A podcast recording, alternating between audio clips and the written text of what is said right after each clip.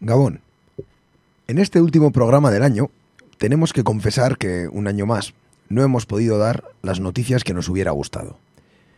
Este 2017 hemos seguido hablando de pobreza, de violencia machista, de corrupción, de muertes en el mar, de muertes en prisión, de muertes en la guerra, de tejemanejes políticos, de explotación infantil, de represión, de expolio de recursos, de intentos de golpe de Estado, de expansionismo norteamericano.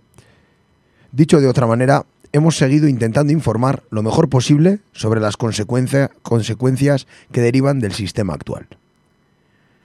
Desgraciadamente, 2018 no se anuncia mejor y la mayoría de los problemas actuales, ya sea en Euskal Herria, en Europa o en el mundo en general, no parecen buscar vías de solución. Para este último programa del año, traemos dos temas que representan muy correctamente el estado de las cosas.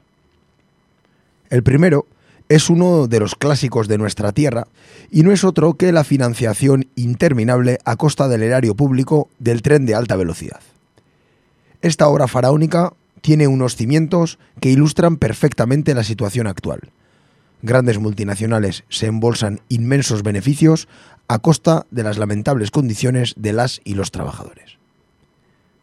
Por otra parte, hablaremos de la situación creada en Palestina a causa de las recientes decisiones de Donald Trump, que una vez más actúa a modo de pirómano en un país en el cual todo lo que queda es tierra quemada. Los y las perjudicadas, las de siempre. La población civil que vive masacrada económica y militarmente por un Estado supremacista que solo acepta a los suyos. Se dice que el tiempo pone a cada uno en su sitio, y puede que sea verdad. En caso de que así sea, nosotros esperamos estar aquí para contároslo. Hemen da gaur meine Damen und Herren. Auf Moskau, entering the United States.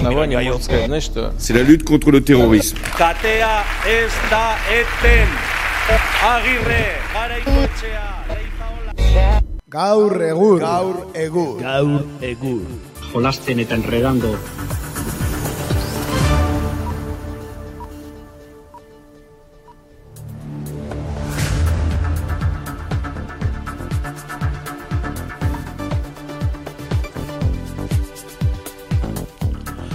Gabon, entzule Gabon zuzen zuzenean gaituzue zortzirak eta bost minutu diren honetan astelena da, astelena abenduak emezortzi eta hemen gaude kakaintzonako estudioan.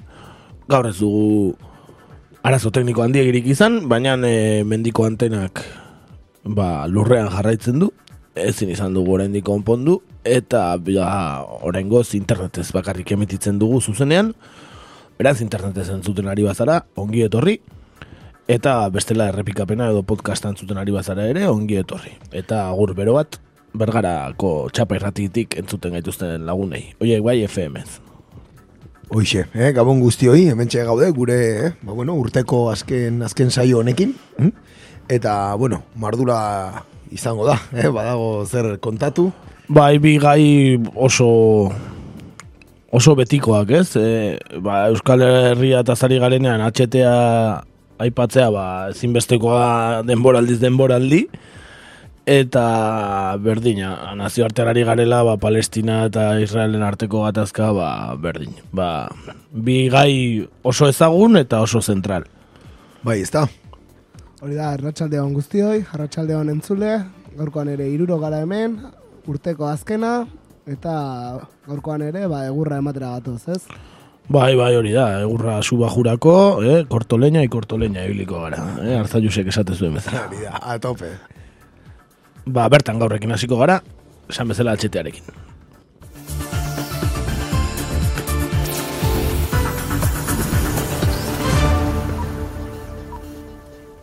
Bertan gaur.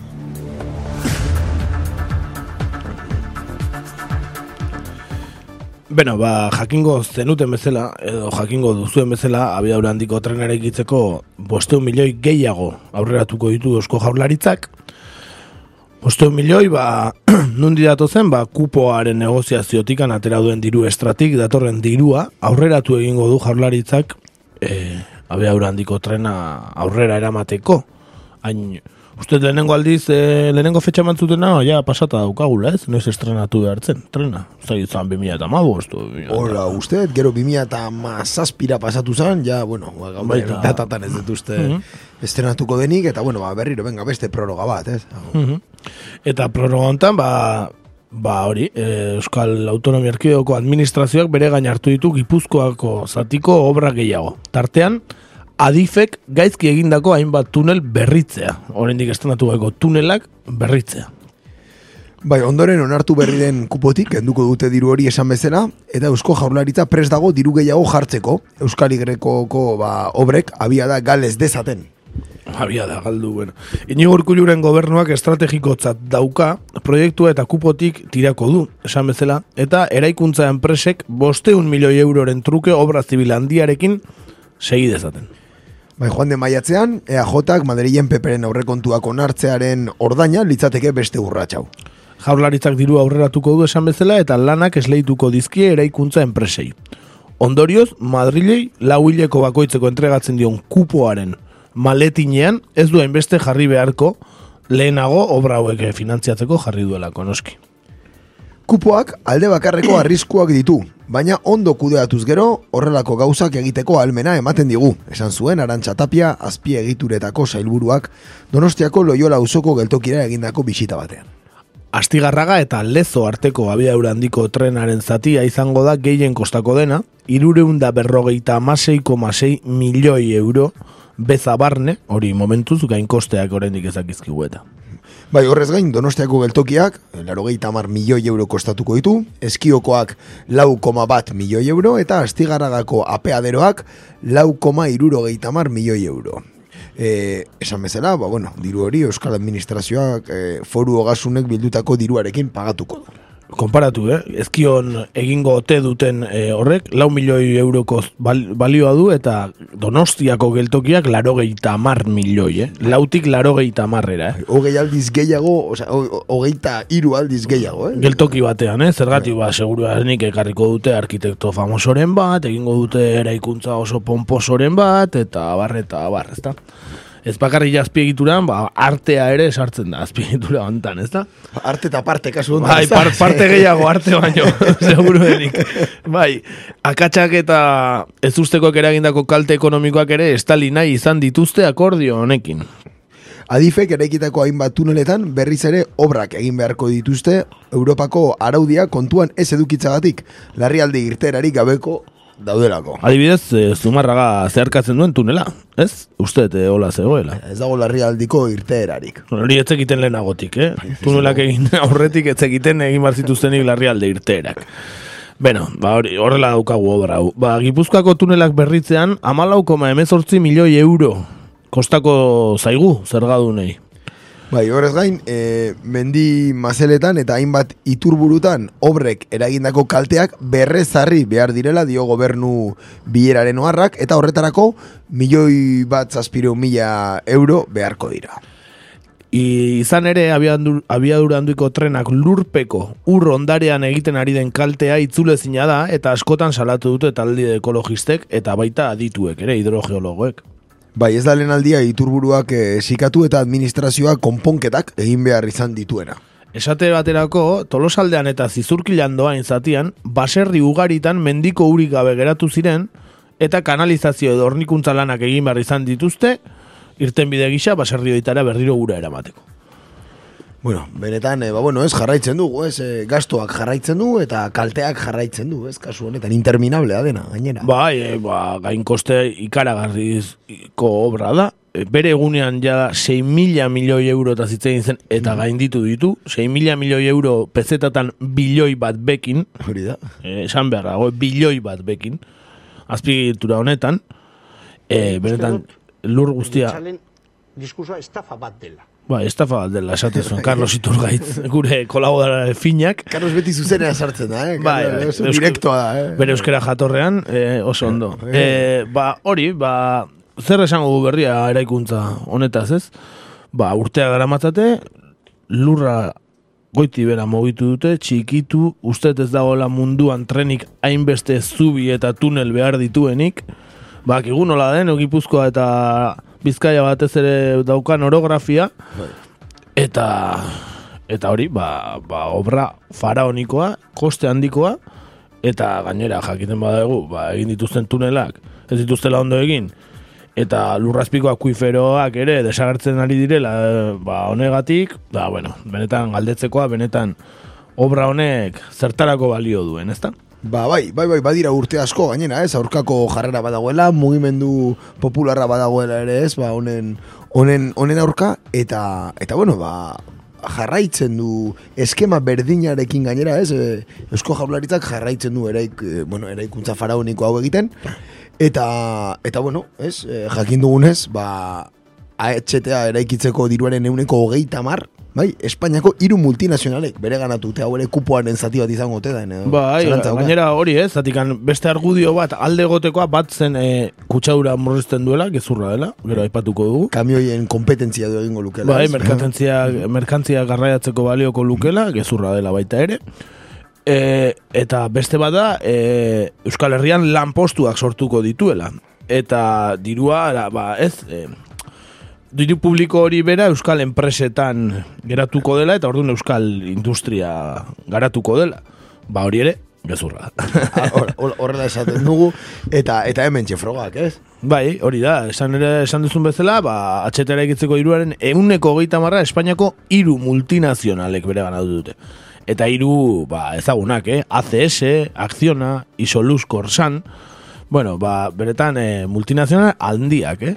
Dira atxeteaz, ba, aberazten ari direnak. Duare, gabe, esan daiteke Euskal Jatorreko enpresak atzaldeko bagoietan, ez, gelditu direla. Bai, hori da, erabat, erabat. E, enpresa batzuk diru asko irabazten ari dira Gipuzkoa Bizkaia eta Arabako tren lasteraren sare berria eraikitzen, baina diruaren gehiengoa Euskal Herritik kanpora doa esan bezala, adjudikazioei erreparatzen badiogu. Bai, zehazki gehien kobratzen duten amar konpainetatik zazpi, Espainiar marka multinazionala dira amarretik zazpi. Bai, horretarako abiadura handiko trenaren obrak banatzen diren e, hogeita mazazpi zatietatik, hogeita malau aztertuko ditugu. Enpresa guztien artean hiru dira, nabarmentzen direnak Euskal Autonomia Erkidegoan abiadura handiko trena egiteko kobratutako diru kopuru handiagatik. Bai, lehena esan bezala, Isolux Korsan, Korbiamek, e, irureunda berrogeita sortzi milioi euro jaso ditu urteotan. Akzionak berreun eta irurogeita emeretzi milioi. Eta ACSek eta bere filialek, Dragados eta Texak, berreunda amabi milioi euro. Hiru enpresa hauek esleitutako diru kopuru osoaren euneko hogeita marraia erena bere ganatu dute. Bai, jarduera Euskal Herrian duten e, eraikuntzako enpresak orokorrean atzealdeko bagoietan geratu dira, ba, esleipen e, lehiaketan, ez da? Gehien kobratuten amar enpresetatik hiru baizik ez dira Euskal errore, erroren bat dutenak, ez? Euskal erroren bat. Baltzola taldea, geotunel eta lurgoienekin, eunda irureta mazazpi milioi euroko esleipena, Zikasa, eunda berrogei milioi eurokoa, eta Amenabar, larogeita mabi milioi eurorekin. Bai, beste guztiak Espainiako estatuan eta atzerrian aski ezagunak dira, ba, esan bezala Ferrovial, FCC, Comsa, Obras Subterráneas... Ba horixe, euneko irurogeia kanpora. Eusko jaurlaritzak, esan duguna, eh? euneko irurogeia, euneko geita marra iru Espa- Espainiar multinazionalen esku dago, baina eh, esleipen eta gastatuen diru guztiaren euneko irurogeia da doa Euskal enpresetatik kanpo, ez? Euskal Herritik kanpoko enpresetara. Eusko jaurlaritzak eta Euskal alderdi jeltzaleak Madrilen interesa handia jarri dute Euskal Y-koa eraiki dadin, baina berte, bertako enpresariak ez dira etekin handiena ateratzen ari. Esan bezala, hoxe, orain arte esleitutakoaren euneko irurogei, kanpoko enpresa multinazionalen esku gelditu da. Eta portzentaje hori handiagoa izango litzateke adifek ez balitu utzi bergarako lokarriko zatiak bertan behera. Enpresek eskaintza basuegia egin zutelako. Esleitutako diru kopurua, 2000 eta bosteun milioi euro inguru, e, abiadura handiko trena eraikitzen gastatuko denaren zati bat baino ez da. Obretan sortutako ezusteko aldaketek azken emaitza asko igo dutelako. Beti bezala. Bestalde, oraindik egiteki daude zati garesti eta komplikatuena, gainera oraindik egiteke daude. Hiriburuetako sarbideak adibidez eta hiriburu hoietako geltoki pomposo hoiek. Bai, e, fakturari dagokionez, Ekopol Unibertsitateko aditu taldearen arabera, denera amar mila milioi euro kostalezake proiektuak.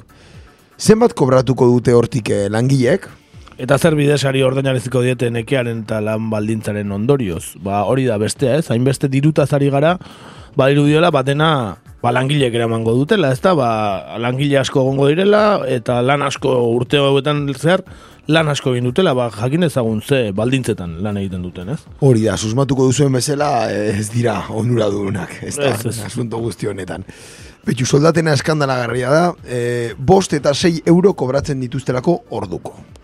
Sartutako ordu denak ez dituzte kobratzen gainera, eta tarifa horretan sartzen dira ordu estrak, oporrak, dietak eta dena. Itzarmenaren arabera, bikoitza ordandu beharko liekete eta estrak askoz gehiago, oporrak ere. Egunero, amar amaika ordu sartzen dituzte lanean. Langileen estatutuak dio hilabetean eun da irurogeita mar ordu sartu behar dituztela. Eta hauek denek berreun ordutik gora sartzen dituzte hilero. Ordu pila hoiekin, mila berreun euro kobratzera iritsi daitezke agian. Baina kotizazioan, kakazar bat agertzen da. Abia handiko trena bihurtu zaigu Euskal Herriko faktoria handienetakoa. Erabateko lan esplotazioan oinarrituta eta oso gutxi altxa dugu ahotsa horren aurka. Gainera, langileen euneko laro gehiak atzerritarrak direlako. Horregatik gertatzen dau. Ez direlako Euskal Herritarrak. Hala da, mm, hemen e, geratuko da obra hori, guk eta gure bilobek eta birbilobek orainduko duguna. Hori da, eta hemendik mende batera, bizi direnak ere jabetu daitezela nola egin zen tren hau. Ez zela jaki, ez zela egin, edo ez dela egingo teknika puntakoenak erabiliz. Atzerritarren, langi, atzerriko langileen odola eta izerdia isuriz baizik. Guztien baldintzak prekarizatu dituzte eta langileari baldintza hoietan ari edo beste sektore batera joan etzaio besterik geldit, etzaio besterik geratzen. Negozioa gutxi batzuen esku geratu da eta etekin ekonomikoa ere bai. Abiadura handiko trenaren kasuan, oso ikusgarria da esleipenan hori egin zaion. San bezala amarretik zazpi Espainiatik etxe, Espainiako etxe handientzat izan da. Beraz, bertako enpresak aberazten dituen mitoa, erori zaigu. Hala da, hala da. Duari gabe, duari gabe hau. Langileen euneko laro atzerritara da, kondizio oso txarretan, lan baldintza txarretan, el, hemengo eraikuntzaren lan baldintza o lan dekretua ez dute betetzen nola atzerrian kontratatzen dituzten, ba, gizu azpikontraten, azpikontrataren azpikontratak e, kontratatzen ditu, eta hori bost eta 6 euro ordua ordaintzen, eta oporrak barne, dana barne, hori benetan lotxagarria. Bai, e, bueno, ari gara, ba, esklabutzataz, ez? Esklabutza modernoataz ari gara, e, behin komentatu genuen, ez? E, beste saio batean, nola, ba, bueno, ez? Asko e, Galiziatik edo Estermaduratik, e, ez? e, etorritakoak ziren, lan egiten zutela astelenetik larun bat arratsaldera, Eta gero buelta. hori da, kotxe hartu Estermadurara jun eta igande gauean bueltatu lanera joteko astelenen. Hori da. Azkenean, astean iruro gehi ordu sartzen dituzte, gutxi gora bera, 600 kilometroko bidaia astero, eta hori, ba, 6 euro ordua kobratzeko. Hori da HTaren e, realidadea. E, askotan izkutatu, ez, nahi izan dena, baina errealidadea hause da, ez? Hau Bai. onartzen ari da Euskal Hori da, Gizartea. Hori da, ba, Ba, ba, dut, jeltzalen diskursoa estafa bat dela. Claro, eske, Carlos. hor- hori xe- hori da, iritsi garen konklusioa, ba, Carlosen beraina. Eh? Da. Carlos analista politiko sakona, oso analisi sakonak egiten dituen gizona. Hombre, bere akorde hoiaren laguntza ere badauka, baina bai oia da, ez? Oso, Ba, jar, badaki jartzen eh, bere ambiente tentsoa, ez? Akorde, akorde tentsoekin, eh? Ai, tipo oso, eh? Bueno, esan dezagun, eh, datu guzti hauek atera ditugula, ba, atera berrien liburu baten aurre, aurre aurkezpenetatik eta abar. Liburua zuloan deitzen da, bidaia bat abiadura handiko trenaren eta lan esplotazioan barrena. E, urko apaola zadabilak egin du, eta ba, Manu Robles Arangiz Fundazioak eta Argia Komunikazio taldeak. Atera dute orantxe durangorako eta nik behintzat gogotsunago lortu eta irakurtzeko.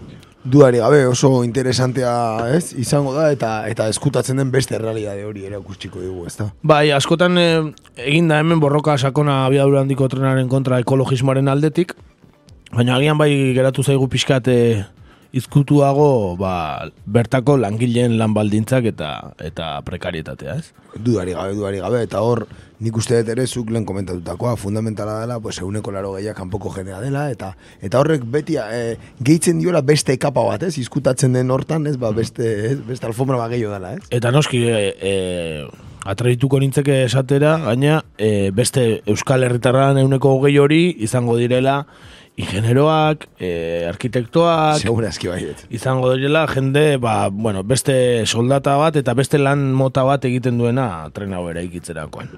Bai, ala, Ez dira peoiak izango. ez, ez, segurazki horrela izango dela, ezta? Eta bueno, haber urko, ez, urko Paulazaren liburu eskuratzea badugun eta honetaz. Bai, eta igual agian baita noizbait elkarrizketatzen ere saiatu gintezke. Hori da, hori da, saiatuko gara. Bueno, ez, jarraitzeko, eh, bueno, analisi txiki bat egitera guaz, ez da, ez?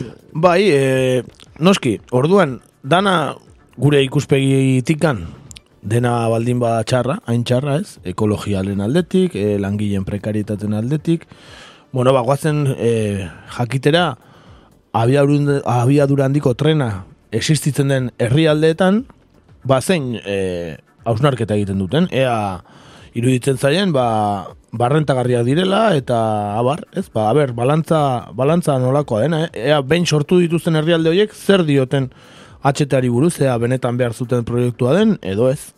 Bai, egia esan erantzuna nahiko kategorikoa da, ez da? Bai, egia esan bai. Ez, eh, bueno, eh, munduan hiru abiadura handiko tren zerbitzu bakarrik dira erabat errentagarriak. Eta horiek, gainera, hemendik urruti daude. Bueno, bat gertu gertu.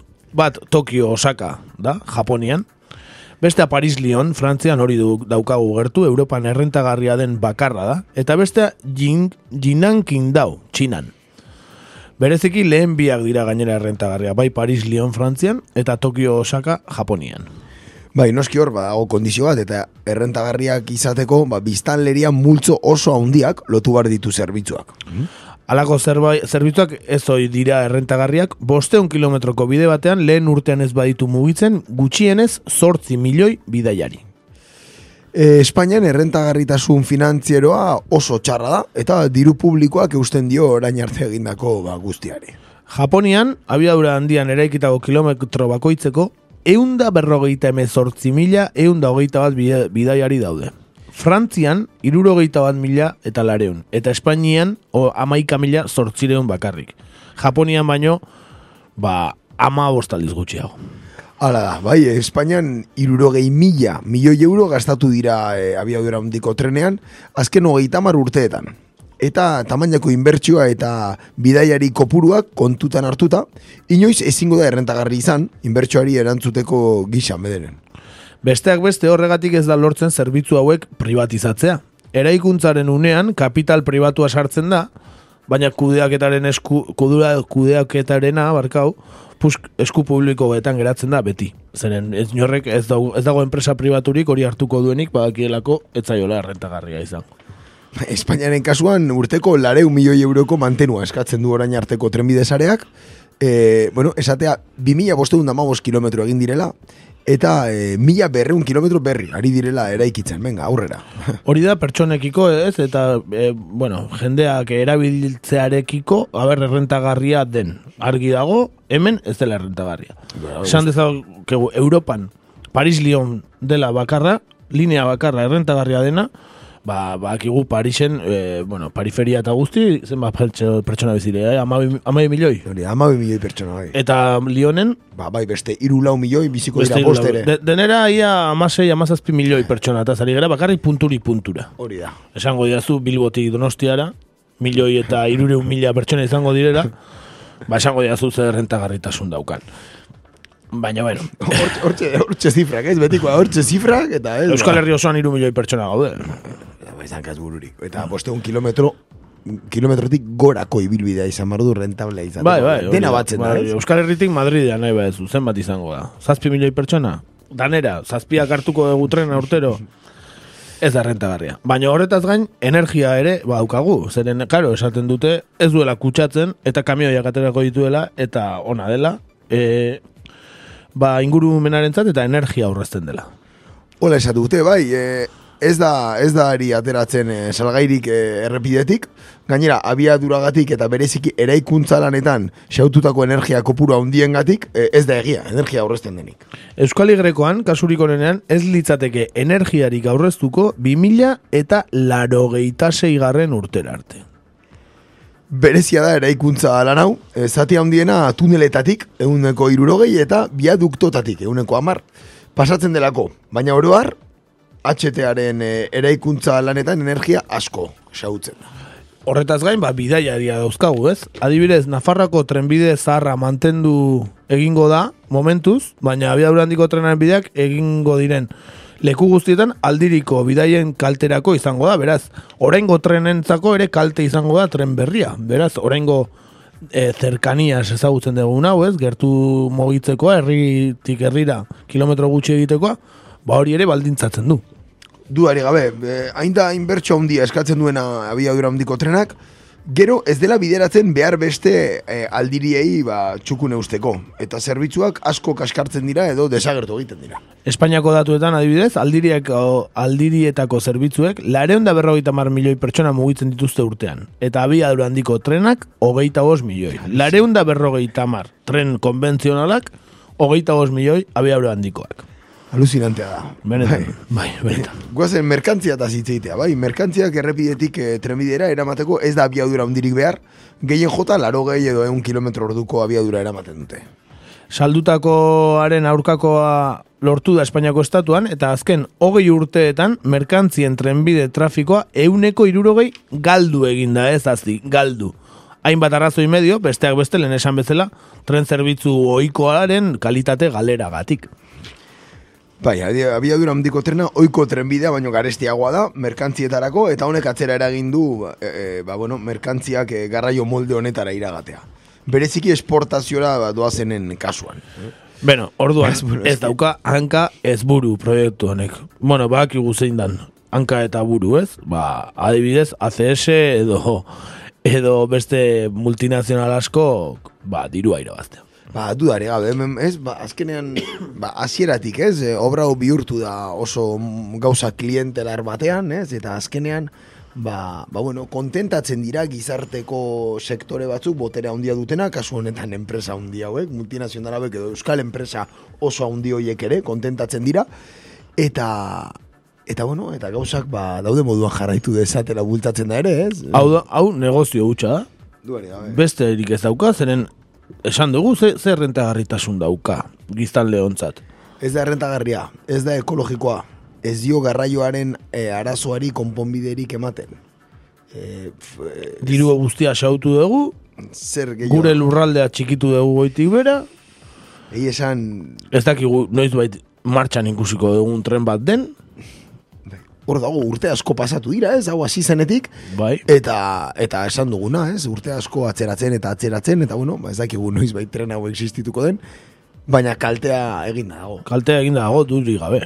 Bai gure lurrean, bai barneko urak e, dauden, mendi barneko urak, eta abar, hemen kaltea egin dago, hormigoia botata dago, eta dirua xaututa dago, eta batzuen poltsikoak ondo bete dira.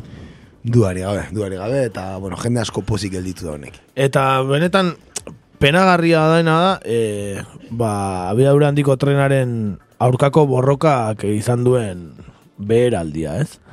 Orain e, urte batzuk e, ba, egiten ziren manifestazio nazionalak eta bazeoen mugimendu bat, mugimendu kriminalizatu duten mugimendu bat, esan behar da ere, bai? Eta mugimendu hori orantxe bertan oso haul dago.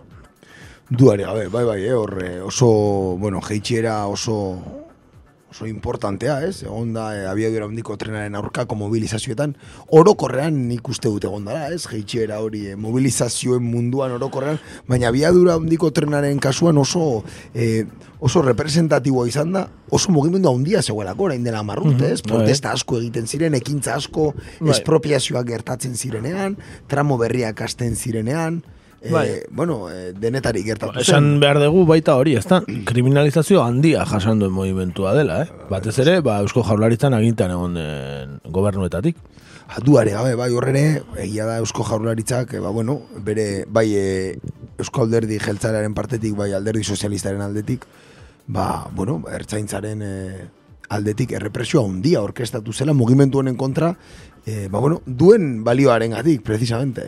Bai, eta bueno, e, ikusi nahiko nuke, movimendu hori indartsu egonda, nola erantzungo luken orain, e, etaren aitzakia izan gabe, edo kale borrokarena, edo Bai, da horrek ere ez, eh, asko, askorako eman zuela ez, bere garaian ez, eh, bueno, eh, ba, Inazio Uriaren hilketaren ondoren adibidez, edo eh, gertatu ziren bat sabotairen ondoren, ba, saiatu zan abiadura ondiko trenaren kontua ere, ba, todo ez eta horren barruan sartzen ez, Bai, noski.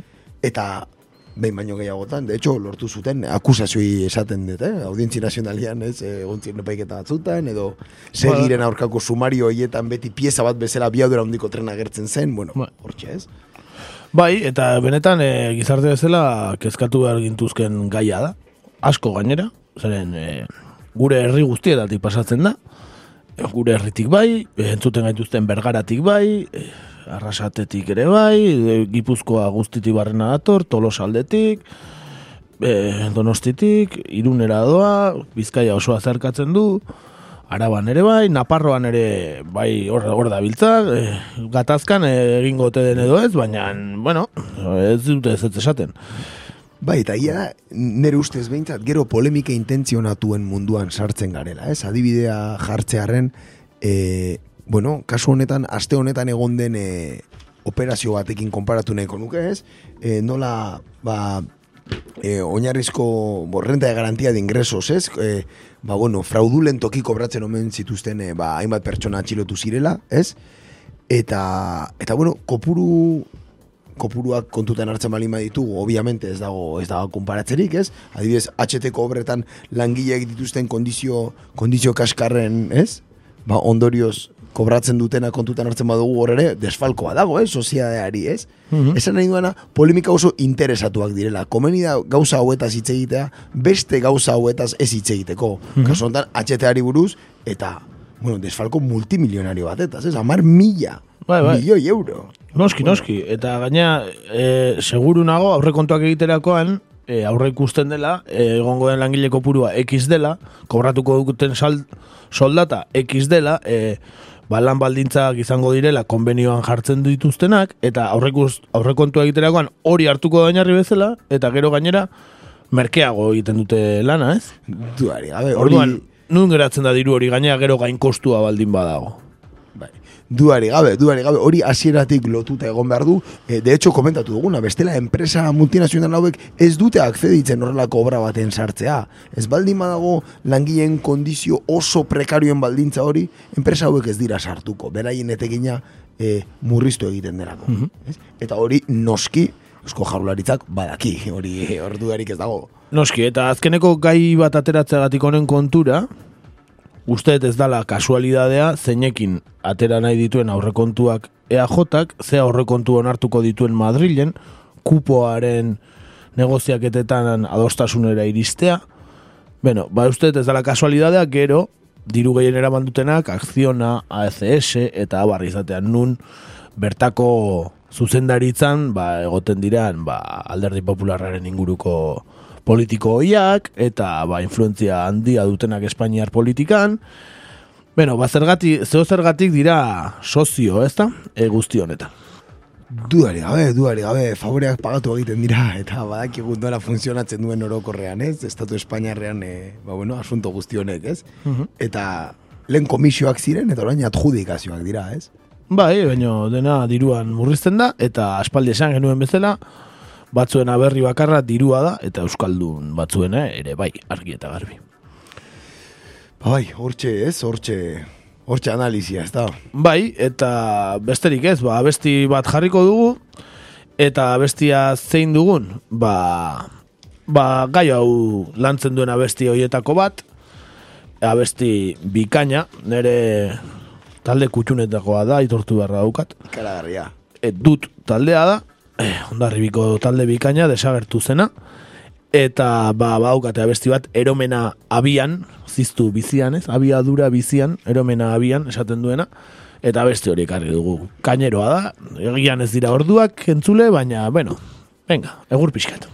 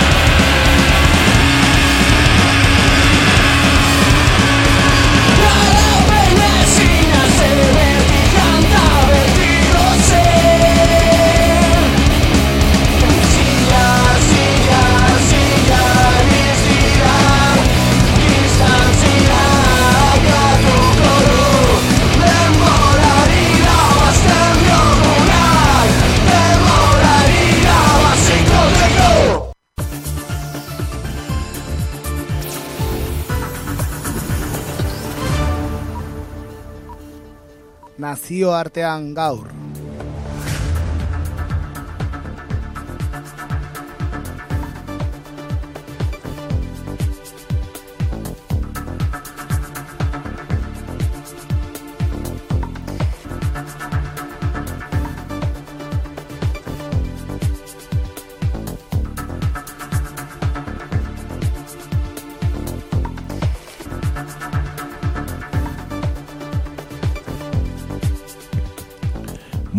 Y pasamos a la sección internacional y como ya hemos hablado antes en la editorial, tenemos un, uno de los temas bueno, más famosos a nivel internacional cuando tratamos estos temas, ¿no? Como puede ser pues la situación palestina, ¿no? Una situación con mucha historia, pero con poco arreglo.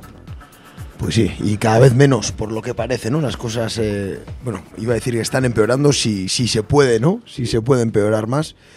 Eh, bueno, el caso es que, bueno, eh, el conflicto palestino-israelí está, está en un momento, una vez más, muy delicado.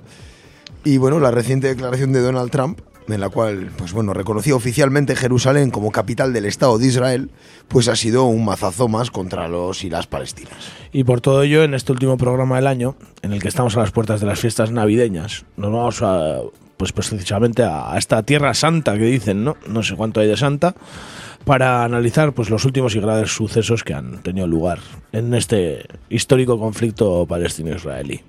Sí, vamos a intentar analizar el, el porqué de esta maniobra de Estados Unidos, que casi nadie entiende, eh, y vamos a intentar analizarlo más allá de la siempre mediática actuación de Donald Trump. Sí, Donald es bastante mediático. De todas he sabido que los Estados Unidos siempre han sido un férreo aliado de Israel, tanto política como militar como económicamente. Vamos a decir que es el, el aliado number one con, con Gran Bretaña, vamos a decir, o con toda Europa casi. Efectivamente, sí, bueno, hablamos de, de décadas de apoyo financiero, de apoyo incondicional a la posición de, de Tel Aviv en, en las distintas fracasadas conversaciones de paz, de veto estadounidense a toda posible resolución de la ONU contra, contra la barbarie israelí, de 3.000 millones de dólares anuales para que Israel obtenga el armamento más sofisticado a nivel mundial y un largo etcétera.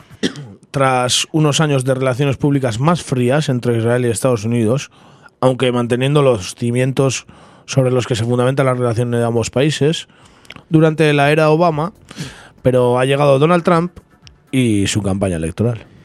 Sí, sí, en, en esa campaña, pues bueno, eh, un mensaje claro, ¿eh? el de Donald Trump contra la resolución diplomática de los conflictos y una apuesta clara por la imposición del más fuerte.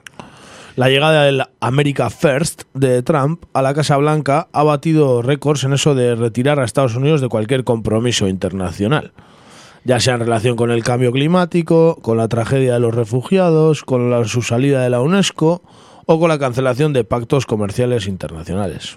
Sí, sus políticas internacionales han ido más bien enfocadas a lucir músculo constantemente. ¿eh? Por ejemplo, pues en el caso de, de la finalización del muro con México o en las constantes amenazas de borrar la República Popular Democrática de Corea del mapa. En todo este contexto llega su declaración sobre Jerusalén y su confesa intención de trasladar la embajada de su país a esta ciudad. Sí, eh, ambas decisiones han sido interpretadas por, por la mayoría eh, del arco diplomático mundial como contrarias a la lógica de la política internacional y también como una acción diplomática claramente humillante para la parte palestina. Sí, sin ninguna duda. es obvio. Además, Estados Unidos es el único país del mundo que ha dado este paso, lo cual ha incrementado la frustración entre la comunidad internacional ante el despotismo cada vez más manifiesto del señor Donald Trump. Sí, el hecho de que la cuestión de Jerusalén siempre haya sido muy espinosa, pues no hace más que echar más gasolina eh, a un fuego que, bueno, que nunca se ha apagado. Por otra parte, Trump, una vez más, se salta las propias normas eh, según las cuales se rigen las relaciones internacionales y hace caso omiso a la resolución 478 del Consejo de Seguridad de la ONU, en la cual se declaró la nulidad de la pretensión del gobierno sionista de declarar Jerusalén como su capital eterna e indivisible. Sí, también se salta la resolución 181 de la Asamblea General de la ONU, aprobada en 1947, para la partición de Palestina en un Estado judío y otro árabe, en el que se considera Jerusalén como una entidad aparte. Como ha ocurrido a menudo desde que Trump llegó a la Casa Blanca Incluso gobiernos aliados como España, Reino Unido, Francia, Arabia Saudí o Alemania han criticado las decisiones de Donald Trump. Sí, también se han posicionado en, en contra, como también viene siendo habitual, altos funcionarios y exfuncionarios estadounidenses. Incluso el exdirector de la CIA, John Brennan, que dirigió esta agencia paramilitar de triste reputación entre 2013 y 2017, ha afirmado que la decisión es un disparate de dimensiones históricas y que los intereses de Estados Unidos van a quedar dañados por muchos años. Pero bueno, ¿es esta una decisión tomada personalmente por Donald Trump eh, en un arrebato más, ¿no? De cambiar las fichas del tablero internacional. Eh, ¿O se trata de una, de una maniobra estudiada y que cuenta con, con apoyos de gente muy poderosa? Pues ciertamente es bastante obvio que Trump cuenta con el apoyo de su yerno, Jared Kushner, en este tema. Efectivamente. ¿Quién es Jared Kushner? Bueno, Jared Kushner es el marido de Ivanka Trump. ¿de Su hija, ¿no? Eso es, de, de una de las hijas de, de Donald Trump. Y es judío ultraortodoxo, ¿eh? aparte, aparte de ser un multimillonario inmobiliario. Y bueno, pues fue, fue asesor y uno de los arquitectos de, de la estrategia de comunicación de Donald Trump durante su campaña electoral. Fue designado por Trump para realizar el seguimiento de las conversaciones palestino-israelíes cuando llegó al gobierno, hecho que fue calificado de auténtica burla, ya que Kushner financia varios asentamientos israelíes declarados ilegales por la misma comunidad internacional. Efectivamente han oído bien. ¿eh? Donald Trump puso como observador eh, en las conversaciones de paz entre Israel y Palestina a un ultraortodoxo que financia asentamientos ilegales en Cisjordania. Bueno, eh, ¡Váyanse al carajo, yanquis de mierda! vaya, Hugo, Hugo, Hugo. Tenemos grandes analistas políticos en este programa, como Sí. Carlos Iturgaiz o, o Hugo Chávez. Eso es, que no nos aparece en forma de pajarito, pero siempre aparece. Sí, sí, ¿Eh? aparece, sí. Bien, eh, bueno, además, eh, Kushner, el famoso yerno de Donald Trump, codirigía hasta enero de este año la fundación Charles and Cheryl Kushner, fundada por su padre, y que durante años ha donado millones de dólares a proyectos relacionados con diferentes asentamientos judíos en Cisjordania. Pues eso, Jared Kushner ha ido poco a poco ganando espacio en la Casa Blanca y muchas voces dicen que tiene a día de hoy más influencia sobre el presidente que el propio secretario de Estado Rex Tillerson. De lo cual se puede deducir que las políticas pro-israelíes de Trump seguirán en marcha. Bueno, pues un episodio más en, en todo este conflicto palestino-israelí. Y pues claro, pues siempre se ha dicho y es cada vez más obvio que en la Casa Blanca los judíos tienen mucho poder. Sí, sí, los judíos, los sionistas, ¿no? Sobre todo. Sí, los judíos sionistas, No, claro. los- sobre todo los judíos sionistas son, son parte del engranaje político estadounidense, sea quien sea el que gobierna, ¿no? Es, es, una, es un lobby que te puede dar la victoria, ¿no? Es uno de esos lobbies con los que tienes que contar, como cuentas con el de las armas, ¿no? Sí, sí. Tienes que contar también con el lobby judío porque es parte determinante. Sí, claro, porque además son una comunidad con muchas personas multimillonarias, con... Bueno, hay mucho también en el aparato propagandístico estadounidense, ¿no? Llámale Hollywood, del que también los que más mandan son judíos. Efectivamente. Sionistas. Efectivamente, judíos sionistas en este caso también, ¿no?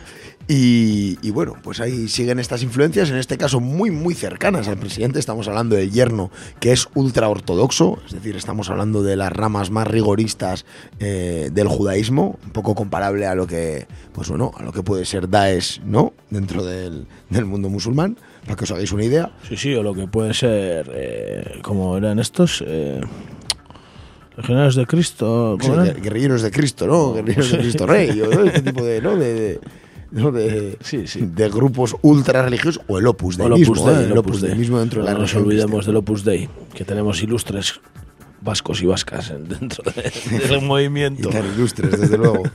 Eh, bueno, de todas formas, bueno, todo esto es eh, un poco el engranaje, ¿no? Que, que, que logra, eh, pues bueno, echar más gasolina con un interés claro que al final, eh, en mi opinión por lo menos, es incidir en lo que ocurre en Oriente Próximo, ¿no? Se incidió en Siria, se incidió en Libia, se incidió en Irak, ahora se vuelve a incidir en, en Palestina y, y en realidad, pues bueno, ¿quiénes son los perjudicados? Pues, pues los- obviamente la población de Gaza y de Cisjordania. Sí, sí, que son la población autóctona de allí desde hace miles de años, ¿eh? porque no nos olvidemos si hay algún despistado de que los judíos llegaron hace, hace un ¿no? ¿Cuánto? ¿100 años volvieron a llegar con de la mano de los británicos? algo menos incluso, sí, sí, ahí va, eh, ¿no? sí. A, a esa tierra santa prometida de la que les desterraron hace, ¿cuánto? ¿Dos mil años? Efectivamente. Efectivamente. Ahí realmente volvemos a la base del problema, ¿no? De la base del problema que es, eh, es el Estado de Israel. En realidad es un Estado que- Impuesto totalmente. impuesto y con una característica clarísima. Y es que es uno de los pocos estados del mundo, eh, comparable con el Estado Islámico, por ejemplo, ¿no? que, que tiene como base eh, la religión de sus habitantes. Y es la- un Estado judío. Y la historia que cuenta su libro sagrado. Efectivamente. Que es la ley suprema. Es la ley suprema y por eso tienen todo el derecho del mundo a residir en, en ese territorio del mundo, ¿no? Porque fue su territorio, según ellos. Bueno, está bastante claro que sí lo fue durante Sí, una época, Sí, sí, obviamente, obviamente. pero hace muchísimos años. Está claro, lo cual no, no- Bueno, se ha hablado mil veces de esto, ¿no? Pero lo cual no da, obviamente, derecho a expulsar y a masacrar a una población como la población palestina durante, durante bueno, durante estos 70, 80 años. Y tener a la mayor cárcel de. ¿No? A, a- la mayor cárcel el- a cielo abierto que hay en el mundo, que se llama Gaza, Sin ninguna duda. donde están todos prisioneros en unas condiciones infrahumanas. Infrahumanas, que lo de Gaza es un campo de concentración al aire libre. Y bueno, luego está pues la tolerancia de todo el arco político internacional, sobre todo occidental, sobre todo occidental, porque hay que reconocer que eh, entre los países árabes también eh, hay países que, bueno, que siempre han estado, eh, vamos a decir, eh, reivindicando los derechos de Palestina, como puede ser Irán, por ejemplo, ¿no? Como puede ser Irán o incluso como puede ser Siria, ¿no? Sí, sí, claro. Es que O también. el Líbano. es- parece una isla, ¿no? Una isla de religión judía en el Oriente Próximo, pero bueno, tiene no, no se lleva tan mal con todos los musulmanes, ¿eh? No, efectivamente. ¿no? Cara a la galería, por ejemplo, es curioso, ¿no? Que con esta nueva, eh, con este nuevo, pues bueno, disparate de Donald Trump, eh, por ejemplo, el gobierno de Arabia Saudí, que es el, principal aliado de Estados Unidos en, en- en la zona, ¿no? Eh, salió a decir que no, que no, no, no le parecía bien, que era echar gasolina al fuego. Pero bueno, son declaraciones, quiero decir. Luego, económicamente, militarmente, es el aliado número uno de Estados Unidos en la zona. Es decir, es el contrapoder a Irán en la zona. Entonces, eh, las declaraciones se las lleva el viento, ¿no? Vamos a decir que Sí, sí. no son posiciones sinceras, no, no tiene nada que ver. Pero es que claro, además estamos hablando de una ciudad en la que las tres religiones monoteístas más grandes del mundo eh, la consideran suya, la consideran santa, la consideran suya, ¿no? Son parte de su, de su relato histórico de su religión. Efectivamente, ¿no? Y, y de hecho, bueno, Jerusalén, pues eso, ¿no? Eh, la historia ha enseñado que es uno de los puntos con más relevancia, ¿no? Histórica de todo el planeta, realmente, ¿no? Hombre, sin duda. sí. Allí, allí, de allí vienen todas las religiones monoteístas, ¿no? Sin duda, sin duda. Tanto la judía como la musulmana como la cristiana. Sin que duda. allí, ¿no? Que no sé qué vamos a celebrar a finales de este mes, pero se supone que allí nació. ¿Cómo fue? No, no- no sé muy bien cómo fue. Sí, bueno, eh, en Belén no creo que haya ambiente para muchas celebraciones. No, no, en Belén no, ¿No? ni en Jerusalén tampoco. Tampoco. Bueno, mientras tanto, bajando a la calle, ¿no? Bajando a ver qué es lo que ocurre, ¿no? En Palestina. Eh, pues ha habido un montón de protestas contra esta nueva ¿no? maniobra de Estados Unidos en Gaza y también en Cisjordania. Y bueno, ya han de- las protestas ya han dejado cuatro muertes ¿eh? por bombardeos sionistas. Ha habido bombardeos del Estado de Israel estos días. Ha habido detenidos críos y todo. Efectivamente, efectivamente. Ha habido muchas imágenes estos últimos días de detenciones de niños. Detenciones de niños maltratados por el ejército de Israel. Niños de 8 años, de, de 9 años, de 10 años. O sea, Bueno, realmente lamentable. Y bueno, hay, hay más que esto, porque aquí hay un maestro de ceremonias del cual hablamos en, en este programa, pero en nuestro anterior formato, es decir, hace muchos años cuando llegó a- al, bueno, al ministerio. No Se- me digas. Sí, sí, es el ministro de Defensa israelí, a Víctor Lieberman. Lieberman, el, El mismo. mismísimo. El mismo Lieberman que, que sigue, ¿eh? Que sigue estando, que sigue estando. Que Era del, del partido más ultraortodoxo de Israel, ¿no? El fundador o el presidente. O... Efectivamente, sí. Y bueno, Vigor Lieberman, ya estaba olvidado de él, todavía vive, ¿eh? hijo de inmigrantes rusos mala que hierba, se ¿eh? fueron a, no, que bueno, pues eso, llegó a Israel, es de la rama rusa, ¿eh? Sí, de los judíos, sí. efectivamente. Y bueno, ha llamado a, a boicotear los comercios árabes en Jerusalén, que nadie compre en un comercio árabe. Eso lo ha hecho el ministro de Defensa, que es uno de los peces gordos, de los tres peces gordos del gobierno de Netanyahu. Y, y bueno, pues los enfrentamientos son cada vez mayores. Está habiendo muchas protestas porque, claro, eh, los palestinos están, obviamente, eh, es la gota que colma el vaso una vez más, ¿no? Esta nueva propuesta. Sí, y no sé, no, no sé. eh, si dice, la gente dice si va a haber la tercera intifada. Eh, no sé, jamás en qué situación está, si está a favor o se lo está pensando. Tengo entendido que el, el- líder de Hamas, Ismael Hanilla, que ha estado viviendo en el extranjero, no sé exactamente, no sé si ha estado viviendo en el Líbano o ha estado, no ha estado viviendo en, Gaza, eh, ha vuelto a Gaza. Está otra vez en Gaza y es importante porque tiene una figura, tiene una figura determinante, es una persona eh, muy, muy respetada. Incluso por los dos bandos, también por el otro bando palestino, que es Al-Fatah, ¿vale? Que, que le tiene un, que le tiene un respeto, un respeto importante. Y puede también, ¿no? Que, bueno, entre palestinos también eh, están, están ocurriendo conversaciones también para poder un poco Porque es que los palestinos también están divididos entre ellos, no lo olvidemos. Efectivamente, eh, bueno, diciéndolo que claramente, estos últimos 10 años Gaza ha sido gobernada por Hamas y Cisjordania ha sido gobernada por, Por Al-Fatah. Y bueno, pues parece ser que se están poco a poco poniendo mimbres para una, vamos a decir, entre comillas, reconciliación nacional para poder, eh, pues bueno, plantear algo eh, de fundamento para luchar contra el Estado de Israel, claro. Luego esta situación. Y no olvidemos tampoco a los miles de refugiados que hay en países cercanos que tuvieron que dejar Palestina, algunos hace más de 50 años, eh, muchos también se han muerto por, sin poder volver a sus casas por la ocupación israelí. Sin duda, ahí está eso también. Y, y bueno, es un tema que está ahí, pues bueno, eh, se da por hecho que hay un conflicto importante allí, pero nunca nadie pone de su parte para solucionarlo, por lo cual, bueno, No, es que está claro la gente, bueno, por lo menos los gobiernos mundiales eh, de parte de qué parte están, ¿no? desde luego, desde luego. Otra vez más de la parte del dinero, que quienes tienen el dinero en este caso, pues, como hemos dicho, los judíos sionistas, que tienen muchísimo dinero y tienen el armamento, la, ¿no? el ejército más moderno del mundo. Sin duda, el ejército más moderno y uno de los eh, grupos de inteligencia más modernos del mundo también, que es el Mossad, ¿no? Sí, que por ejemplo adiestra nada más y nada menos que a los Berrozi Berezi Taldea de la Ertzaintza, por ejemplo, o a cualquier policía mundial, ¿no? Los adiestra el Mossad, ¿no? Efectivamente, que es la, la flor innata de, de, bueno, pues de las operaciones paramilitares de un gobierno. En las Olimpiadas de policía se llevan todos los oros, vamos a decir. Efectivamente, eso es, eso es, efectivamente, ¿no? Bueno, pues, pues, esta, esta es la lamentable situación en Palestina. Eh, pues sí, una vez más, Palestina nunca acaba y parece que puede empezar a recrudecerse todavía más el conflicto, si se puede. Veremos porque las navidades no, no parecen buena fecha para toda la tensión que hay allí, por lo cual, bueno, es de, es de prever que habrá muchas protestas y que, que, bueno, pues que seguirán luchando por lo suyo, ¿no? Que es lo que, que es lo único que les queda, desgraciadamente, en este Pues sí. caso, pf, es, es Y desde aquí, pues nada, seguir como Lieberman ha llamado al boicot a las a los comercios árabes, pues habrá que recordar que en toda Europa y en todo el mundo hay un movimiento de boicot contra las empresas israelíes. Efectivamente. Y no hay más que intentar mirar en internet e informarse de qué empresas estamos hablando y de qué marcas para intentar no darles dinero. Eso es, sobre todo en las compras navideñas, porque hay bastantes, bueno, hay perfumes, hay Cosméticos, perfumes, muy- lencería. sí. Eh, intentar echar un vistazo, eh, BDS, ¿no? Campaña boicot, desinversión y sanción, ¿no? Sí, Eso es, ¿no? eso Tengo es. entendido. Boicot a Israel, poner en, en cualquier buscador de internet. Lo pondremos en nuestro, en nuestro blog. ¿eh? Sí, eso- un enlace para que podáis echar un vistazo y no, no colaborar con esta gente. Exactamente. Aprovecho para condenar de nuevo, desde el fondo de mi alma y de mis vísceras, al Estado de Israel. Maldito seas, Estado de Israel. Maldito sea.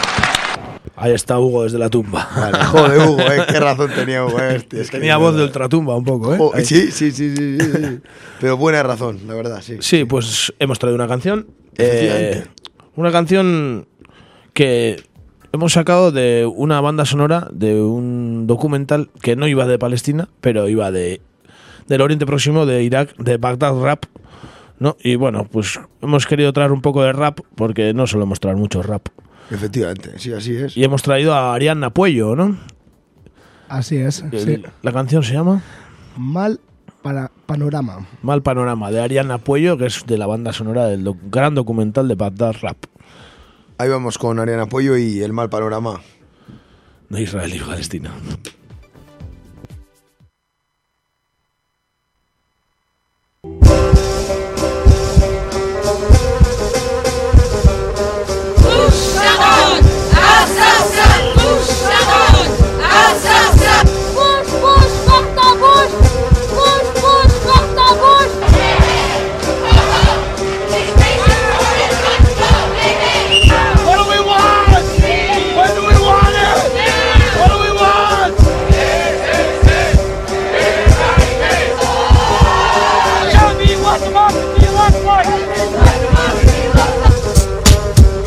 Venganza, sangre por petróleo, odio por una raza, ganas de monopolio, mientras un pueblo castigado espera venir tiempos peores, tiempos muy malos, resignación ante tanta presión de los derechos humanos, violación, sin piedad ni compasión empieza la función, pasen y vean, la verdad es esta, maldita sea, no hagan caso de la televisión porque esta es un medio de manipulación, alarma social a nivel mundial, no hay razones convincentes del por qué no hay aval, la gente sale a la calle por toda la tierra para gritar bien fuerte, no a la guerra, hoy en Bagdad llueve sobre mojado, son las bombas cayendo sobre los tejados, Línea Guara, mal panorama, un antes y un después, un presente, un mañana, ojos tristes miran por la ventana, porque su ciudad ha quedado desolada, Guara, mal panorama, un antes y un después, un presente, un mañana, ojos tristes miran por la ventana, porque su ciudad ha quedado desolada, soldados de plomo a sus puestos, mirando a los ojos a lo del lado opuesto, el responsable de esto, el nene por supuesto, al igual que su padre, un cabrón muy apuesto, tantas excusas, tantos prejuicios para qué, ya sabemos que matar para ellos es un vicio, aparte de robar y saquear a sus víctimas, no Bin Laden, no hubieron armas químicas, y aún así tomaron el poder del país, libertad para Irak, para opinar y decidir, please. Solo ellos saben que es lo mejor para su bienestar y no hay más. Solo me queda pedir desde aquí paz y tranquilidad para todos los seres humanos. Ah, en apoyo,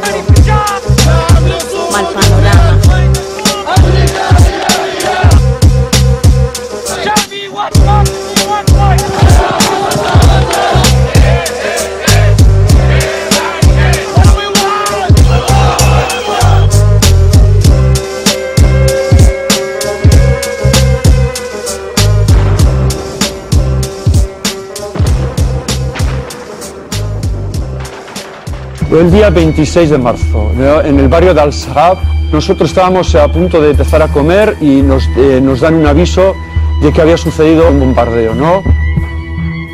Bagdad es una ciudad con muchísima luz y sin embargo todo aquello, todo ese barrio, estaba, era terrible la sensación que daba. ¿no? Era como de noche, pero con un cielo totalmente rojizo. ¿no? Y después de estar visitando los efectos de esos misiles, sacamos una pancarta mostrando nuestra solidaridad. Entonces, eh, eh, justo en ese momento, pues se acerca un chaval joven y en un recipiente de, de plástico enseña trozo de cerebro. Claro que vimos víctimas, víctimas civiles, cómo no.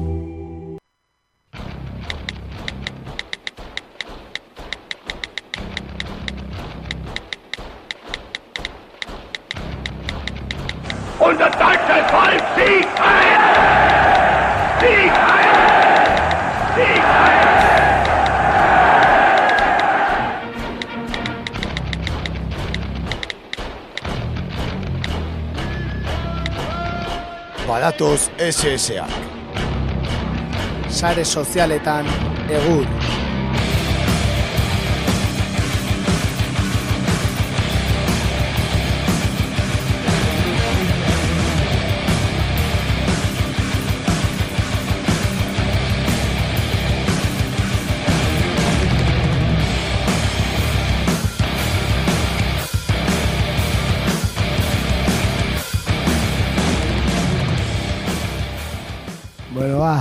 Eta ba, saioari amaiera emateko sare sozialetara salto egingo dugu, baino gaurkoan ez dut e, sare sozialetan e, jorratu nire lana, eta ba, e, monologista bat ekarri dut, M. Rajoy deritzona. Inork ez daki orden, orain dikan. Bikaina, eh? Ez dakit zein da, nik ere ez. Eta, bueno, ba, bere perla handienak ekarri ditugu. Ondo, urtea bukatzeko ondo. mangak Top, top 10, ditut. M. Rajoy Bai, top 10. Ba, pixka bat horrela, ba, bai, just, amaika dira, bueno, to- amaika dira. Top 10 gehi estra. Top 11, top, hori da, top 10 gehi bat. Eh? Top Apa, 10 gehi estra. Eta hori, la de baixo ez dela sartu, eh? Gaurko, la de un vaso es un vaso, y un plato es un plato. Ez dugu sartu, eh? Bueno, ba, bueno, ba, pixkanaka, pixkanaka jungo gara, hola, analizatu egingo dugu, ebai, ez? Eta, ba, ba, ondo buka dezagun urtea, ez? Pixka, aparre pixkat eginez. Hoxe bera, hoxe dudari gabe. Bueno, ba, lehenengoarekin joango gara.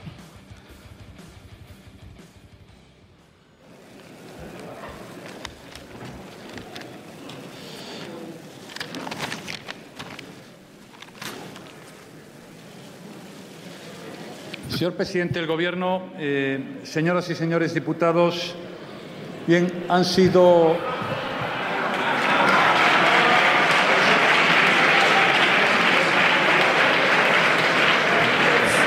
Ba, bai, horixe, ez? No me refería a ninguno de ustedes, no sé por qué aplauden. Me no respiro. Es que ha dicho señora presidenta del gobierno en vez de la, la presidenta de la Cámara. Es que, bueno, eh, bueno, ba- lamentable, eh? Jendea parre egiten du, eta barkatu baina, volumenaren arabera, bere bankadako baten batek ere parre egiten du. eh? Bai, ese venga, tío, hombre, es que, es que ya Marianonen lapsusak histori- histo- historiko dira, ja, bat tokatzen bat zaizu zuzenean, parre, zein barezu, parre, eh, eta, eta besteik. Gogorra, gogorra. Ah. Beste hamar gelditzen dira, ere, Bai, bai, hendikan. A ver, eh? Lo que nosotros hemos hecho, cosa que no hizo usted, es en- engañar a la gente. No hemos engañado ni a la gente, ni al rey, ni a esta Cámara. Ni hemos bloqueado nada. Quien ha bloqueado la situación ha sido usted. que ha- no ha Lo que, lo que hemos hecho nosotros que no ha hecho usted es engañar a la gente. Gorche. Bueno, behingo segia esan zuen, ez? Bai, Eh, bai, eh, bai, bai. Hor, hor su consciente ba, ba, fallo intzion, eh. Latza, latza, Mariano, eh, M. Rajoy, egia esan, eh? Hori, Espainia ez delako demokrazia handi baten presidentea du, eh? Latza, latza, jo, eh. Horrendikan ez daki nundik erortzen den euria. Pues es el mejor dato en 14 años, amigas y amigos, el mejor dato en 14 años. Y esto no es porque sí, esto no es como el agua que cae del cielo sin que se sepa exactamente por qué. Hay razones.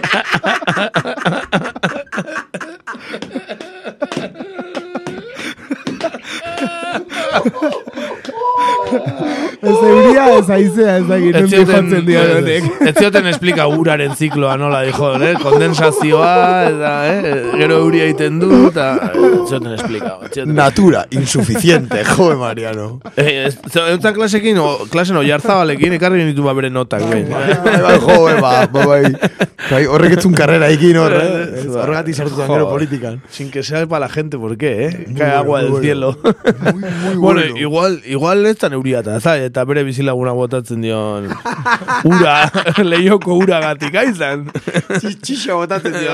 agua mayor. Agua mayor. Lluvia dorada. Bueno, bueno. Aurrea, aurrea. Lluvia dorada. que toda su estrategia y todo su proyecto político se resume en una máxima.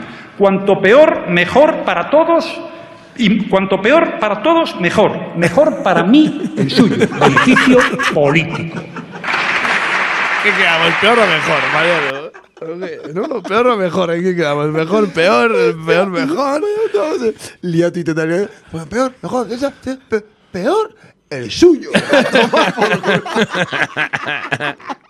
Está la laxa loca, ah, la puta tuya, Muy bien, qué discurso, qué discurso. Peor, el suyo. Venga. Ostra, lacha, eh, lacha. Vaya, este va. O encendador number 6. Number 6. Number 6. Abre, clásico ad, guretzako. Quiero transmitir a los españoles un mensaje de esperanza. ETA es una gran nación. España, perdón, es una gran nación. Beitu zala esaldi motza, esan bartuna, eh? Bai, bai, bai, jo, eh. Su gran España, que era una gran nación, Es una eta... gran nación, betxu. Alare, Barkatu, kalte. eh, nik etari buruz denetarik entzudet, baina eta es una gran nación ez dut inoiz entzun, Ez, eh? nik ere ez. Eta, eta euki gara du kontutan hori etzula esan nola eh, lagun arte baten. Zan, eh, Espainiar gobernuaren lehenengo deklarazioa eta eh, behin betiko armak utziko zituela iragarrita gero. Bai, bai, bai, bai, bai. Eh, lehen deklarazioa Espainiar gobernuarena mundu guztiko komunikabideak zuri begira, Espainiako presidentari begira, eta esaten du lehenengo hitza da, eta Y es una gran un nación. mensaje de esperanza. ETA es una gran nación. España, perdón, es una gran nación. Es Y así figura es que el que gane las elecciones municipales Barkatu, barkatu. Bigarren saltatu. Ere ba, Ez, ez, ere ba. nahikoa, nahikoa zan, nahikoa zan. Bakarrik hori, Ere ba. argi ustea, ba, mundu guztia behi begira zeun momentua, zala hori ba, esan ba, zuen. ba, lamentable, lamentable izan. Bai, bai, bai. Bueno, bueno, aurrea, tope 5, 5. es, es el alcalde y que la alcaldía no es el producto de compadreos, de pactos, ni de acuerdos, ni de historias entre fuerzas políticas diferentes. Es el vecino el que elige al alcalde y es el alcalde el que quiere que sean los, Los vecinos, vecinos, el el alcalde. Esto merece un aplauso. Ole, ole, Ole, ole, ole, ole. Hori da, el cielo está enladrillado. El cielo enladrillará. Mariano, MR. MR. M. Rajoy. Eh, qué bueno, qué bueno. Los disléxicos también son persianas. Claro, sí, sí, exactamente, exactamente, un respeto a los disléxicos. No, no, es el vecino, es el vecino, hombre. Que dije al alcalde, ya está. No es, fruto de compadreos, te lo dice, te lo dice MR, MR 600.000 pesetas en el papel sí, de Bárcenas sí, aquel. ¿no? No es Bueno, en compadreo, fin. ¿no? Joder, madre mía. A ver, Bueno, sabéis que los españoles... Que España es una gran nación y los españoles muy españoles Y muchos españoles. Claro que sí, opa. Sí, señor, sí, señor. Muy mucho, ¿eh? Muy españoles y mucho Muy, españoles. muy mucho españoles. Muy mucho, me encanta. Ay. Bueno, y también tiene para, para los niños y así también. Habla para los niños también. Ay, ¿eh? esta es de las mejores. Le va a subir el IVA a este niño que venía aquí. Los chuches, los chuches, los chuches. Va a subir el IVA de los chuches también. Los también chuches. A todos los españoles. El IVA de los chuches. De los chuches, va a O sea, un país en la miseria y se preocupa del IVA de los fritos, tío. ¿eh? No me jodas, hombre. Las gominolas. Eso es, y de las golosinas. ¿Qué pasa? El IVA de los chuches. Del niño este que ha venido aquí a verme a mí, ¿eh? Al, al monólogo. al monólogo a verme. Le van a subir el IVA a los chuches. Es que no, no, no, de verdad, de verdad. Eh. Jo, oso ona, eh, benetan. M. Rajoy. Ese benetan. es un... Haundietan, haundiena. Ni nahiko nuke urkullu olako pixka eukitza, eh? Ja, ze suerte txarrak hau hemen. Pasada. Sosaina. Ya te digo, eh. Vaya, no va. tiene defecto del habla, no, todo lo que dicen, no tiene, o sea, ez ditu horrelakoak egiten, eh. Makina batek bezala hitz egiten du, ez? Kulutxa. Atzo, atzo sustraiek esan zuen bezala. Ondo esan, gaina, eta ondo esan. Jo, baie. Bueno, jarrai dezau, Bai. zer gaude, top 2 ja, eh, bigarrena, ba, ez? ja, bukatzen, ez, ja, gelitze, ba, ja, iru gelditzen zaizkit. Vale, Oh, podiuma, podiuma, Bai, ez? bai, bai, Podiuma. bai, bai. Bueno, orain eh, jungo gea eh, Katalunia aldera. Number two. Me gusta Cataluña, me gustan sus gentes, su carácter abierto, su laboriosidad. Son emprendedores, hacen cosas. Es por Hacen cosas. Hacen cosas. Hacen cosas. ¿Qué hacen los catalanes, Hacen. Mariano? ¿Qué hacen los catalanes? Hacen cosas. Hacen cosas. Hacen cosas. Hacen- Manifestaciones. eh, Vo- votan cuando no hay que votar. votan cuando es ilegal. hacen cosas. Hacen cosas. Muy buena definición, ¿eh? Por cierto, ahora así, eh, entzulei, ba, aste honetan, Kataluniako hauteskunde direla. Pentsatzen dut telebista jartzen badez dute, bentsat, seguro enterako zaretela. Bentsat zapin egiten ere, baina, bai, hauteskundeak hainbeste hitz egin dan hauteskunde horiek batoz, eh, hauteskunde ez oso normalak, ez? Bastante anormalak, bi hautagai nagusi bat eh, Bruselan eta beste kartzelan dagoelako, adibidez. Bera. Baina, bueno, hori gogorarazi, ba, bueltatzen garenan, ba, seguro aski Katalunia eta zer barko gulako. Bai, tartea eukiko dugu eta eta gertatutakoa aztertuko dugu Egongo dalako zer aztertu. Eta egongo da, M. Rajoyen beste deklarazio berriren bat, ordurako. Seguro. Hacen cosas. A ver, hacen cosas, Mariano, a ver. Venga, number two. Un catalán hoy es catalán, español y europeo. Lo que algunos pretenden pedirle a, a, la gente es que renuncie a su condición de español y europeo. Es un disparate. Y sus derechos como españoles y europeos, ¿por qué tienen que perderlos? Si es que esto va contra el signo de los tiempos. Bueno, pues esto es lo que tratamos de defender nosotros. Pero la nacionalidad española no la perderían, en, ya que estamos hablando de, de este escenario eh, que sería la independencia catalana, la nacionalidad española no la perderían los ciudadanos de Cataluña. Ah, no lo sé. Es decir, ¿por qué no la perderían? Y la europea tampoco. Pues porque la ley dice que el, que el, ciudadano de origen nacido en España no pierde la nacionalidad aunque resida en un país extranjero si manifiesta su voluntad de conservarla. Pues, eh, ¿y la europea? y la europea la tiene porque tiene la nacionalidad española. Eh, me parece que estamos en una disquisición. En una adquisición que no lleva a ninguna parte. Sí, muy bueno, muy bueno. y la europea ¿Y que la europea? Muy, muy, muy bueno. ¿verdad? Hori bai dala hor, eh, gaitze zanen hor, ez dakizula ya zesan, ya, más, más pillado, más pillado, y la europea. La europea. Ostra, ez dakit, ez dakit, Carlos Herrera, da, ez, kasetaria, que repaso ba ematen dio hor, bueno, repaso ba, gauza oso basiko baten. Bai, bai. Hori da hor, ama, ama, ama etortzen da, baina zer, ez, ez dezu jaso kuarto, eta ez dezu, eh, y la europea? da hor, eh, ahí va. Ai, Dios. Bai, bai, bai. Atzo nola iritsi ziren etxea, zapatilla daude pasilloan utzita. Y la europea? La europea. Denetarako balio du, vale, vale, ondo, ondo. Bai, bai, vale, Mariano. Aurrea, ju. Oso europeísta, Mariano. Azkenen, ba, despeditzeko, ba, bere sentimentuak. ¿Qué quiere que le diga? Es decir, yo tengo sentimientos. ¿eh? A veces eh, algunos se creen que los que nos dedicamos a la política por eso no tenemos sentimientos, pero somos sentimientos y tenemos seres humanos. Entonces a mí me ha dolido.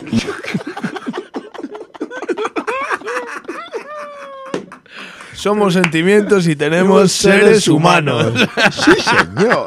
Sí, señor. Es que... Es que no se ni lo cree ni él, lo dice tan mal que no se lo cree ni No él. se lo cree ni él, no se lo cree ni él. Y la europea, Mariano. Mira, yo después de escuchar todo esto, tengo que decir, tengo que. Mira, yo le tenía a Aznar como insuperable en este ámbito de. No, no, no, no. No, no, esto es. M. Rajoy supera todas las a expectativas. comedia pura, es comedia pura. Es comedia pura, es comedia pura. Y hace cosas, ¿eh? Yo creo que desde Charles Chaplin no ha habido una vuelta así a la comedia como la de M. Rajoy. Es una barbarie. Vamos. Increíble, increíble. Será por su acento gallego, no sé, igual piensa en gallego, ¿no? Yo no lo he oído nunca hablar en gallego, pero Hablaré en la intimidad. en la intimidad hablará gallego, ¿no? seguramente, seguramente.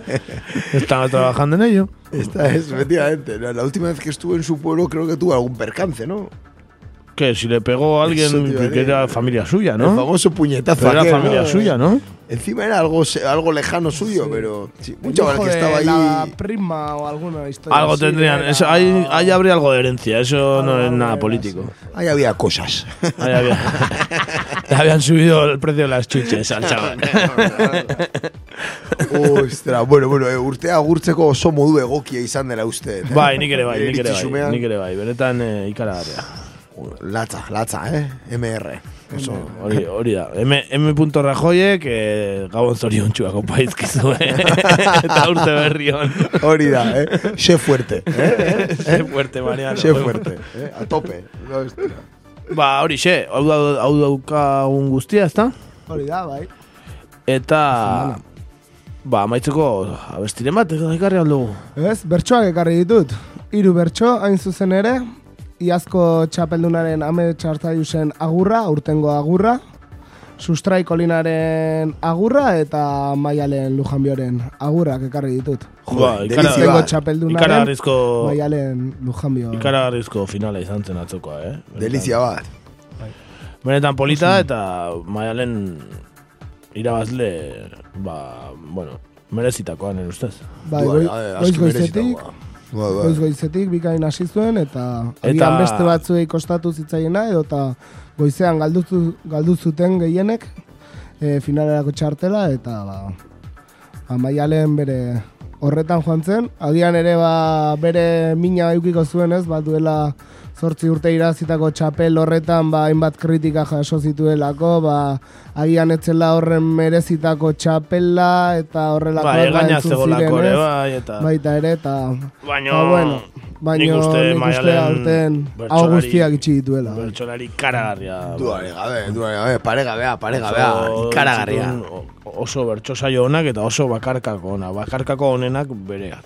Duare gabe. Eta nei esan gabe ez naiz joan, sustraiko lina asko uste dut. Asko, benetan humore, ironia hori, buah, irabazi Bai. nindun.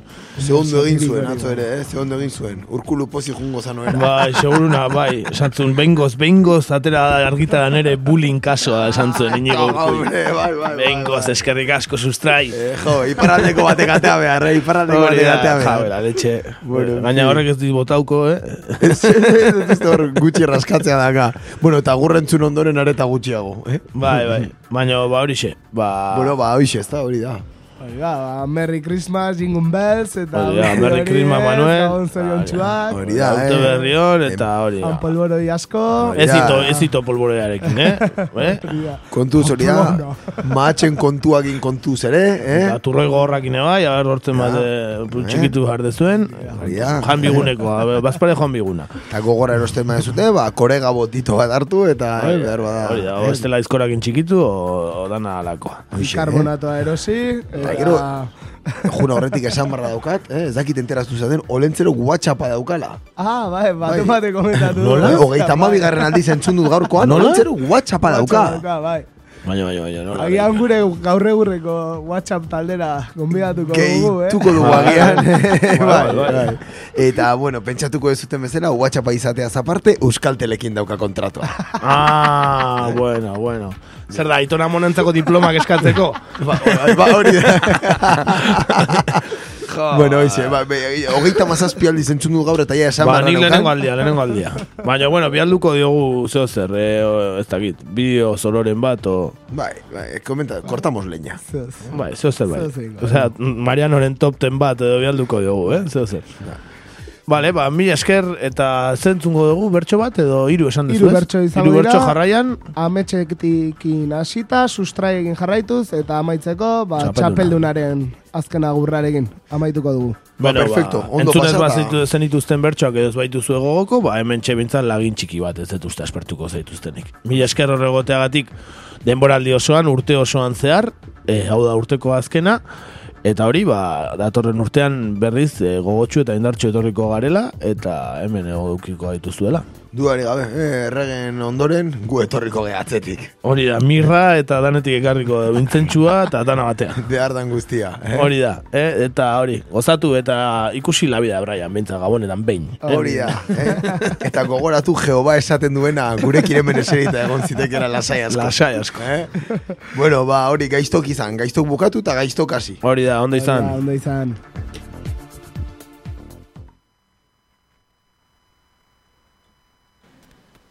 Zorionak maialen maite, lehen ere justuna hauzan, gaurkoa eta gero horra, nere burmuinak nun dautzan, naiz pixkat indar berritu, naizen eguerdiko pausan, ezin liteke osatu, dozenarik seia rautzan, presoak eta herri honek, ez etzateko arlauzan, nik euskaratik sakondu, nahiko nuke subirautzan. Talusok erakutsi zuen txikien iraultzan, denek parte hartu behar dugu, bakearen artisautzan. Denek parte hartu behar dugu, bakearen artisautzan.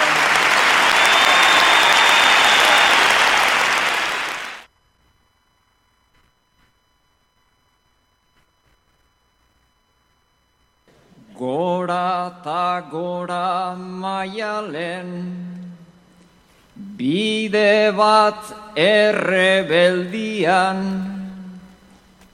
Zarretxeko langile, ikasle euskaltegian, altxasun senide edo, Txiolari presondegian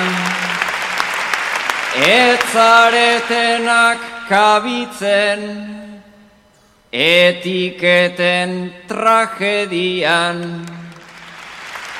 Ni urruñan sortu nintzen Larrungo itxas egian, orain iruñan bizi naiz, oin bat ezkaba mendian, Euskal Herria gelditu, ez dadin Euskal Erdian. Bila ditzagun arna asta, ardatzak periferia.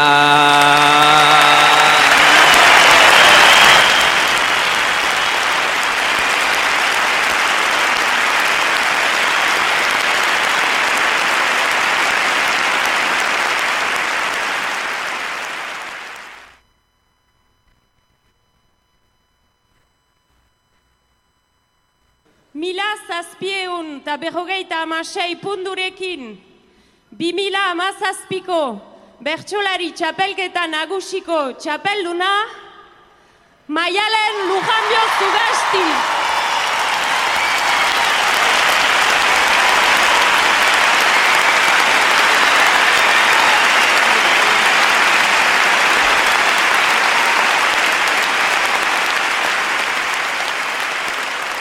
Aurtengo txapeldunari, Sebastian Lizasok jauntziko dio txapela.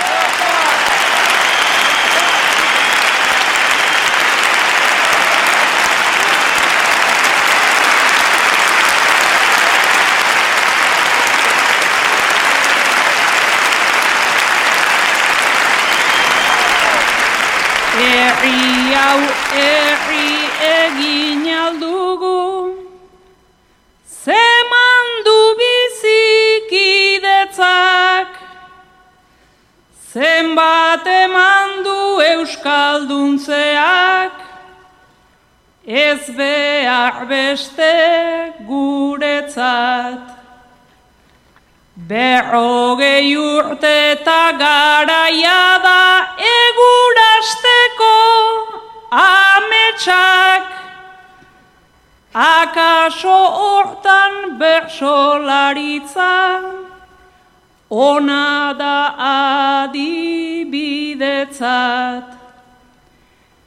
Beti ez du goitik bera egiten, transmisioaren trentzak, guk beti gora ikasi dugu, ta zabaldu muga ertzak, lengoekin ta gaurkoen gandik, txapelau geroko entzat, lengoekin ta gaurkoen gandik, txapelau geroko